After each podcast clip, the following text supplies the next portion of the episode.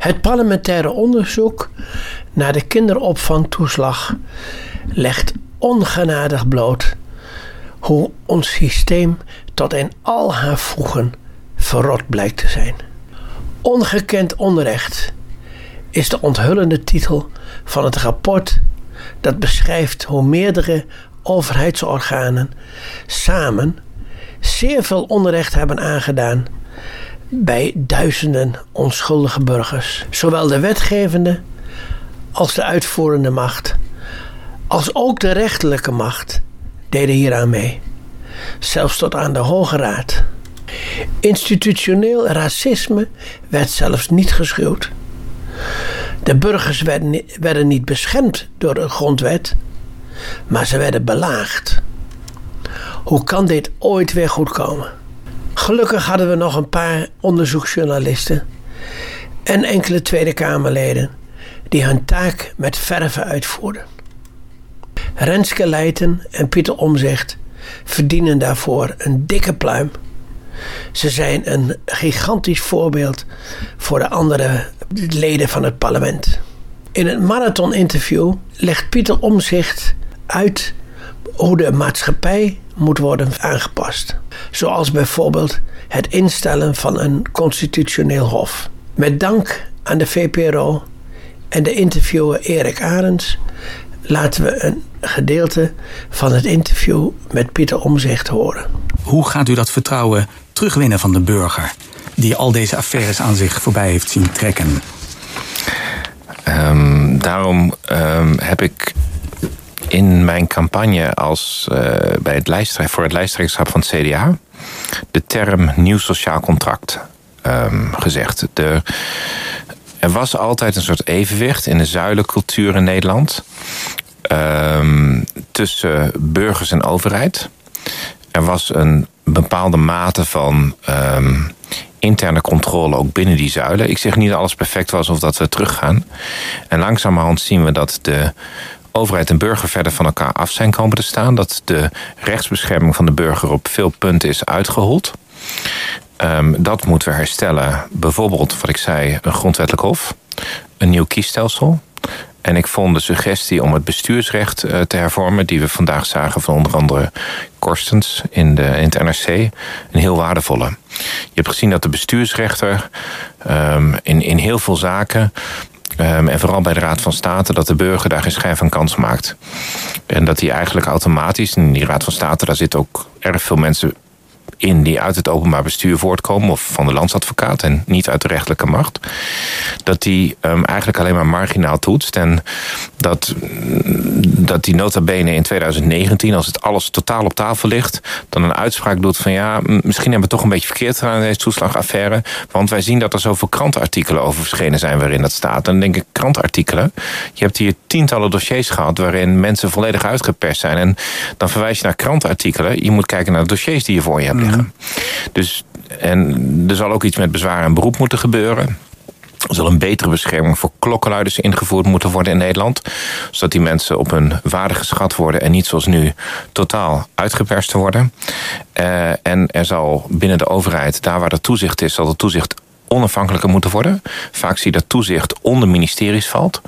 Dat als het moeilijk wordt, er feitelijk een poging gedaan wordt om dat toezicht opdracht te geven. Daarom wil ik dat toezichthouders onafhankelijker worden. Dat de Tweede Kamer elke toezichthouder kan gaan horen. En ook kan vragen wat is daar het probleem.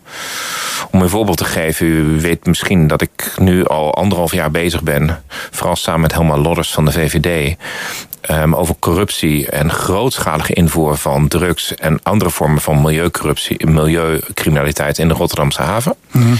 En het rapport dat erover geschreven is, wanneer de prooi de jaar gepakt, wordt geheim gehouden en de onderzoekers kunnen wij als Kamer niet eens horen. Dus ik dreig nu maar met een mini-parlementaire enquête, zodat ik ze onder Ede kan gaan horen. Maar dat is natuurlijk van de zotte. Ja. Als wij als overheid geld uitgeven om onderzoek te doen, moet je als Tweede Kamer dit dat onderzoek gewoon openbaar kunnen lezen en de onderzoekers kunnen bevragen. Maar dat kan in dit land niet.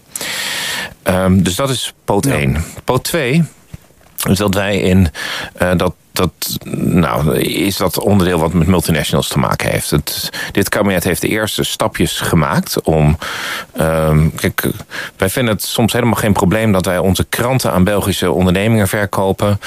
Um, dat onze um, uh, waardevolle ondernemingen door het buitenland opgekocht worden. Zodat het nou Orgen Os is, of dat uh, een gedeelte van de Rotterdamse haven in, in, in, in Hongkong of Chinese handel komt. Of dat maakt allemaal niet uit. en, en, en wat we dan doen is dat we hele roadshows hebben gehad. Um, om, om allerlei um, brievenbusfirma's zich op de Zuidas te laten vestigen. Nou, ik denk dat dat niet het belang van Nederland is. Het belang van Nederland is om hier een, een bedrijfsleven te hebben dat hier ook geworteld is. En niet alleen vanwege belastingvoordelen, maar omdat wij hier een goed opgeleide bevolking hebben. Maar die ook onderdeel is van het ecosysteem. En ik zie dat die verhouding tussen Nederland en dat bedrijfsleven, die is ernstig verzwakt door een aantal schandalen die er gebeurd zijn. En ook dat heeft met een nieuw sociaal contract. We kunnen misschien wel meer van het bedrijfsleven vragen in tegenprestatie voor wat zij nu aan coronasteun krijgen. Um, dus daar dient een herstel plaats te vinden. Het, en het maatschappelijk middenveld, dat wat ik zei, is volledig verstatelijkt. Wat betekent dat? Nou ja, dat, uh, dat alle clubs uit de subsidieruif aan het eten zijn... of uit de ruiven van de loterijen. Maar dat betekent dat het een soort extra uitvoeringsorganisaties geworden zijn... van de ministeries in plaats van een onafhankelijke um, stem in, in het ja. maatschappelijk veld. En dat betekent dat schandalen en problemen vast veel later boven tafel komen. Ik wil, ik Daarbovenop even... hebben we nog een probleem. Ja, en dat... daarna wil ik u even citeren uit uw eigen stuk, want dat vind ik wel een interessant. Oh, dat altijd fijn. Ja, nou even kort dan. Wat, het laatste, wat wilt u nog noemen? Nou, er zijn nog wel twee punten. Ja, dat weet ik, maar anders wordt het... Vertel. Ja, ik vind het interessant dat u langer met mij gesproken heeft over of de ministers moeten aftreden dan over de toekomstplannen. Ah, en ik vind de toekomstplannen mee. echt dat iets belangrijker. mij heel erg mee. Ik vind de toekomstplannen belangrijk. Ja, zeker, ik zeg, maar dat, dat, ik zeg dat even omdat, omdat ik dat zeg, omdat we richting 17 maart met z'n allen met hak en breekwerk gaan beginnen. En voor wij, als wij niet oppassen, hebben we niet meer over wat dit land nodig heeft. En dit land heeft heel veel meer aan creatieve ideeën nodig... dan het aan politici nodig heeft die elkaar met taarten begooien... en um, journalisten die het over aftreden, optreden en wat dan ook hebben. Hoewel dat in deze zaak, zaak terecht is. Het is op dit moment voor, voor, het is op dit moment voor jongeren tussen de 18 en 30. Die fase is heel veel moeilijker geworden dan die 30 jaar geleden was. Het afschaffen van de studiebeurzen. Het onzeker maken van de arbeidscontracten, waardoor je veel moeilijker een vaste baan krijgt. Mm -hmm. En de volkshuisvesting is een um, een huizenmarkt gaan heten. Waarop voor starters geen plek meer is, nog om te huren, nog in te kopen. En niet alleen maar in de Randstad, maar ook in grote delen buiten de Randstad. Dat zal veranderd moeten worden. Want de backbone van onze samenleving, dat zijn de jongeren en de middenklasse.